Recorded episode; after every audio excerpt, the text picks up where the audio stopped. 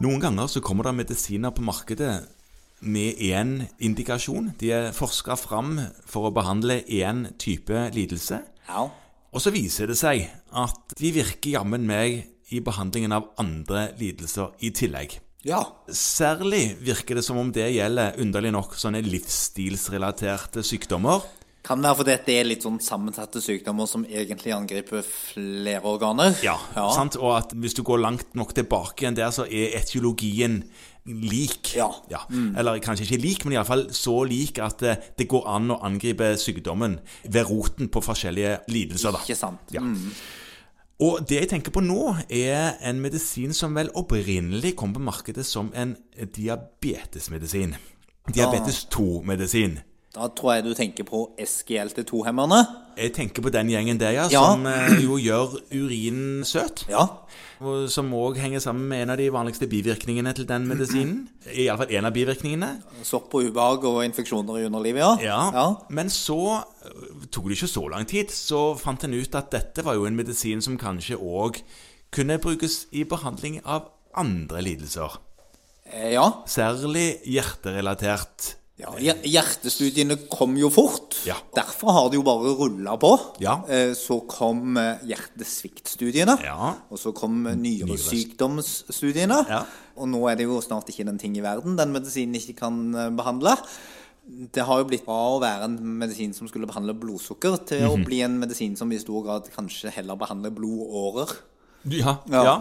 sant? Og, og, og- det betyr at den opprinnelige indikasjonen og refusjonen, som er to forskjellige ting, Ja. om man husker Det er ikke alltid man har eh, refusjon, selv om det er aldri så mye indikasjon. Det er ingen selvfølgelighet. Ingen selvfølge. Men iallfall den opprinnelige indikasjonen ble fort utvida. Ja. Med at den kunne brukes òg til behandling av hjertesvikt og nyresykdom. ja. Men nå, nå er det noe nytt. Og derfor lagde vi en liten lyd. Nå er det noe nytt. Ja. Og det nye er at fra nå, 15.1.2024, Ja. eh, så har SGLT2-emmerne fått refusjon for alle former for hjertesvikt. Altså Inntil nå så har det vært eh, noen begrensninger på det. Det er, er en av de som har hatt refusjon på, på hjertesvikt, og det er med sånn redusert ejeksjonsfraksjon, Ja. EF under 40. Jaha. Eh, Men nå er dokumentasjonen såpass god for, for flere av de at de har refusjon for alle former for kronisk hjertesvikt. Du sa en av de. Det er fordi at det er forskjellige produsenter som lager sin versjon Ja. av disse Eh, Og så har de søkt litt sånn dysynkront om dette etter hvert som dokumentasjonen har dukket opp. Og, og den ene, altså dapagliflosin, har hatt refusjon på hjertesvikt ved redusert ejeksjonsfraksjon en god stund. Ja. Men nå er det en generell altså det, Den store nyheten nå er at disse pasientene med bevart ejeksjonsfraksjon, Ja. som er en gruppe hjertesykepasienter som har vært svært liten behandling for, HEF-PEF. HEF, PEF, som det heter på fint. -hmm. eh, og så har du denne mellomgruppen med en lett redusert ejeksjonsfraksjon òg. Ja. Og Disse gruppene har det vært veldig lite behandling for. Altså, må ikke vite hva man skal gjøre med de, Nei. eh, som kardiolog. Nei, riktig det. Det var, det var jo det man liv.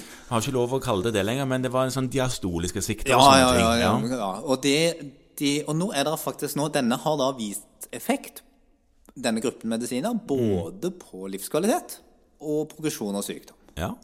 Og, så det betyr, når du sier at de er på eh, refusjon, da kan du skrive blå resept? Da da? kan du skrive de på blå resept. Så alt du trenger nå, er at en eller annen kardiolog har sagt at det er en hjertesvikt. Ja. Det er en diagnose som man jo sjelden stiller oss alene i allmennpraksis.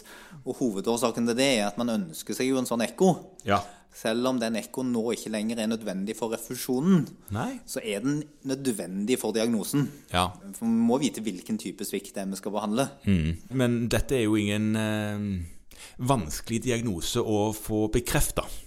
Nei, Altså, altså, Det eh, kan være litt vanskelig å komme inn til kardiologen. Ja, det, det, det er vel kanskje Eller det ikke så vanskelig det heller, det tar bare litt tid. Ja, det tar bare litt tid. Men det er jo det som eh, hvis, du, hvis du mistenker at det er en hjertesvikt, så er det ofte det. Ja. Ja. Eh, Så, så det er i hvert fall en grunn til å ta en runde da med de pasientene du har. ja. Du har ikke kjempemange, men du har helt sikkert noen heft-heft-pasienter på listen din. Ja, det er sikkert noen. Og, og de har nå fått noen ting som de antageligvis bør ha. Ja. Men de som er innom hjertesviktpoliklinikkene som er rundt omkring i eh, det ganske land, der vil vel kardiologene være raske til å starte opp denne typen Det skulle man tro. Ja. Eh, Men problemet er vel kanskje hele den gruppen nå med, med folk som går rundt med en HFPF, og som ikke nødvendigvis ser en kardiolog så ofte. Ja, det, det er ganske Det, det vil jeg tro er en del. tenker jeg egentlig er de fleste. Ja, det er nok det. Ja.